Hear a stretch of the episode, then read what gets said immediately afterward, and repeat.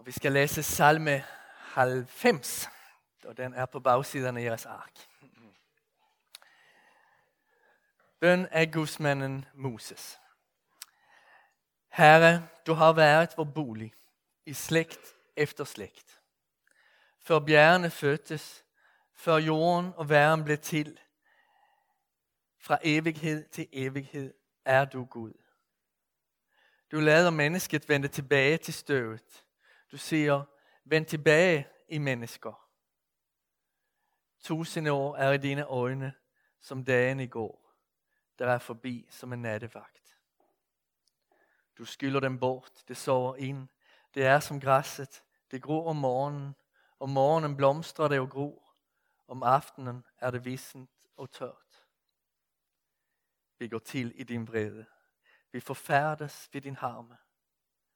Du har stillet vores synder for dine øjne, vores skjulte overtrædelser i dit ansigtslys. Alle vores dage svinder hen i din brede. Vi henlever vores år under suk. Vores leveår kan være 70 eller 80, hvis kræfterne slår til.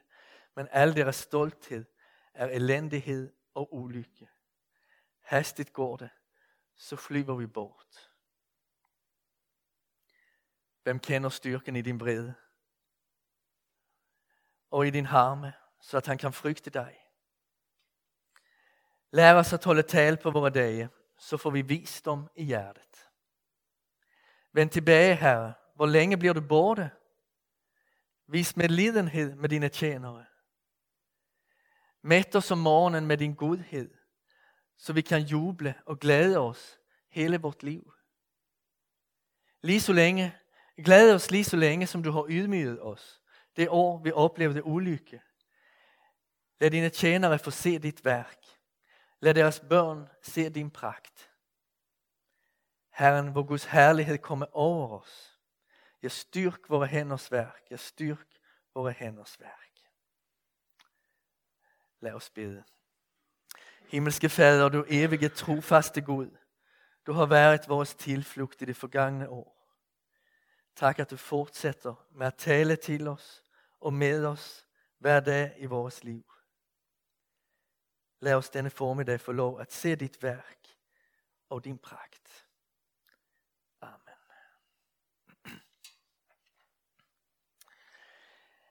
Herre, du har været vår bolig i slægt efter slægt. Hver generation vidner om det samme. Hos Gud har man fundet tilflugt, tryghed, et hjem. Der er man blevet fri, forstået, taget på alvor, elsket og udfordret på en god måde. Gud arbejder med eneste menneske for at føre det til det punkt, hvor man opdager, at der kun hos ham er fuldkommen tryghed. Israel havde levet i slaveri i 400 år. Det havde lært, hvem der var den eneste trygge tilflugt i tilværelsen. Herren var bolig allerede for den første slægt på jorden, men han fandtes før den. Han er af evighed. Når vi stiller os foran Gud og spørger, hvem er du? svarer han, jeg er den evige. Det svimler for os, når vi hører det. Fra evighed. Gud er ikke i tiden. Vi kan ikke forstå, hvad det betyder at være evig. Men salmisten giver os et billede. Tusind år er som en dag, eller som en nattevagt. Menneskets liv er i gengæld begrænset. Det vender tilbage til støvet og bliver glemt. Hvor mange af os kender egentlig navnet på vores bedstefars bedstefar? Om 100-200 år er der ingen længere, der vil mindes os eller tale om os. Han Markus Hector, hvem var han egentlig? Ah, det ved jeg ikke. Jeg tror, han var en slags præst eller noget. Hvis jorden består, vil det en dag blive, som om vi aldrig havde været til. Du skylder dem bort, det sover ind. Det er som græsset, det gror om morgenen, det gror om morgenen, og om morgenen blomstrer det og gror. Om aftenen er det visent og tørt. Så ryster Moses os, Moses os endnu mere. Vi går til i din vrede. Vi forfærdes ved din harm. Det, der startede med, startede med et udsagn om trygheden i Guds bolig, opleves pludselig uhørt troende. Som om Gud siger, I små mennesker skal vide, at jeg er evig, mægtig og vred. I skal ikke tro, at jeg kun er en tryg bolig for jer. Jeg har også et frygteligt humør. Men det er faktisk ikke rigtigt, hvad han siger. Gud er ikke lunefuld. Hans vrede er hans retfærdige reaktion på ondskaben. Det er sådan, vi skal definere Guds vrede. Det er hans retfærdige reaktion på ondskaben. Dels viser den sig, at han har lavet skabelsen gå i stykker ved syndefaldet. Vi henlever vores år under suk. Det grundvilkår gælder for alle mennesker. Dels viser den sig i at Gud reagerer imod benægtelsen af det, der er blevet beskrevet. At han er den evige, og at han er menneskets eneste tilflugt. Al deres stolthed er elendighed og ulykke, læser vi. Stoltheden, stoltheden er menneskens nej til Gud. Hendes vilje at mestre livet uden ham. Og det er en måde at definere, hvad synd er for noget det er at prøve at mestre livet uden Gud. Det er et oprør mot livets givere og mot livets ordninger. Ja, mot det fællesskab og den harmoni, som var Guds forsæt, når han skabte verden. Herren ser hele dybden i menneskets oprør. Du har stillet vores synder for dine øjne, vores skjulte overtrædelser i dit ansigtslys. Hans reaktion er uhyggelig. Vi mennesker er både onde og gode. Derfor er vores reaktion mod ondskaben ikke altid så stærk. Vi har vendet os til den og accepterer et rimeligt godt mål af synd. Gud er helt igennem god. Derfor er hans reaktion mod ondskaben total. Han kan ikke tåle den. Hvis vi spørger ham, hvad er den største trussel mod vores fred i 2019? Så svarer han, det er synden. Det er det største trussel mod deres gudsforhold og mod deres, jeres relationer og mod jeres fred. Efter får sangen en drejning. På udsagnet om Guds retfærdige vrede følger seks bønder, fulde af tillid til Gud. Bønderne er bekendelser af, at Gud vil give os mennesker, hvad godt er. Faktisk er det menighedens bønder. Vi må således gerne læse dem, eller bede dem, både for os som menighed, og for os hver især personligt. Hvis vi føler, at nogle af bønder ikke passer ind på, hvor vi er i livet lige nu, må vi gerne bede dem på vegne af vores søskende i troen. Lad os se lidt på de seks bønder og gerne tage dem med os, at zoome lidt på op i timerne her til det nye år. Lær os at holde tal på vores dage, så får vi visdom i hjertet. Bevidstheden om at livet er endeligt, er en del af den menneskelige modenhed. For en del bliver den til en rastløs streben efter at realisere alle sine drømmer. For en kristen bliver den til en indsigt om, at vi er skabt for at leve i fællesskab med Gud. For at elske ham og lære ham at kende. Det er derfor, vi er her på jorden. Også for at lære Gud at kende. For at spejle ham i vores liv. For at glæde os over livet, han giver os. For at udfolde det kald, som han har givet til os i forhold til vores familie og omgivelse. Vi bør ikke spille vores liv med ligegyldige ting. eller leve for det tilfældige og flygtige. Vi bør leve med bevidsthed om at vores liv er en gave, som vi forvalter. Og som vi skal gøre regnskab for.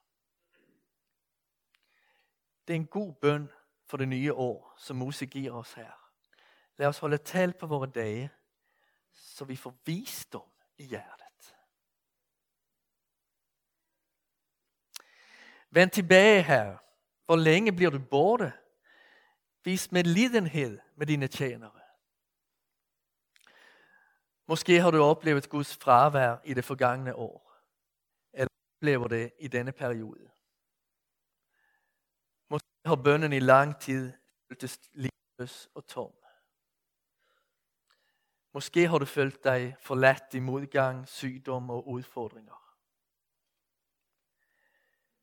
Moses viser os, at vi kan vende os til en medlidende Gud. Eller hedder det medlidende Gud måske? Medlidende Gud. Ja. Gud har altid medlidenhed med os i vores kampe. Og her beder Moses om, at han må se den medlidenhed. At han må få lov til at erfare den. Mærke den. Vis medlidenhed med dine tjenere. Mæt os om morgenen med din godhed, så vi kan juble og glæde os hele vort liv. Glæd os lige så længe, som du har ydmyget os. Det år, vi oplever det ulykke. Tidligere skrev Moses, at al deres stolthed er elendighed og ulykke. Her lyder det helt modsatte. Den der får lov at tage imod Guds godhed hver morgen, hans nåde, hans trofasthed, hans nærvær, den der ser hans godhed bære alt godt i livet, må gerne juble. Vi taler sommetider om ondskabens problem. Eller som jeg prøver at lære mine konfirmander, at det også hedder teodicé-problemet. Det er vigtigt det der. Hvis Gud er god, hvorfor er der så så meget ondskab? Men vi må også huske Gudhedens problem. Hvis der ikke er en Gud, hvem takker vi så for alt godt, vi må tage imod? Hvem siger vi tak til? For der er jo rigtig meget at sige tak for her i livet. Når vi har det svært i livet, tvivler vi indimellem på, at vores tilværelse kan blive nogenlunde god igen. At vi atter vil kunne føle glæde og tillid. Moses garanterer os ikke, at det vender for os. Men dels viser han hen til en glæde, som er større end vores kamp.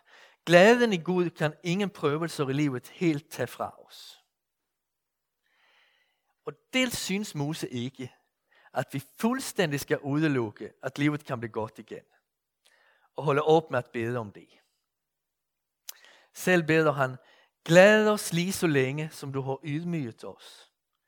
Det år vi oplevede ulykke. FN's generalsekretær i 1950'erne i starten af 60'erne, Dag Hammarskjöld, efterlod efter sin død en lille bog med sine tanker gennem årene. En bog kaldt Vejmærker. Hvert nytår i den periode indleder han sin nytårsmeditation med ordene Snart stunder natten. Det er ord fra en salme i den svenske salmebog. Og vi aner fra forskellige vejmærker, forskellige sætninger i den tid, at han kæmper. Han har det hårdt. Men så til sidst er han igennem. I 1953 skriver han, Snart stunder natten. Til det forgangne, tak. Til det kommende, ja. Hammerføl tog det tro på at 1953 ikke kun ville blive et nådens år, men at han også måtte få lov at mærke det. Godt tre måneder senere bliver han valgt til FN's generalsekretær. Til det forgangne tak, til det kommende. Mæt os om morgenen med din godhed, så vi kan juble og glæde os hele vort liv. Glæd os lige så længe, som du har ydmyget os. Det år, vi oplevede ulykke. Ja, sådan beder Moses. Lad dine tjenere få dit værk at se. Lad deres børn se din pragt. Skal vi ikke enes om, at det må blive vores bøn for Bornholmerkirken i 2019? Og hvorfor ikke for alle kristne i Danmark og ud over vores verden? Vi længes efter at se endnu dybere ind i det værk, der Herren har gjort for os. Og at få se mere af, hvad han gør i menneskers liv i dag. Vi længes også efter at få se hans pragt, hans skønhed, hans herlighed. Og vi ønsker så meget, at den næste generation skal få se det.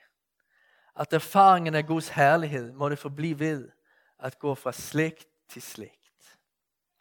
Lad os få se, lad dine børn få se din pragt.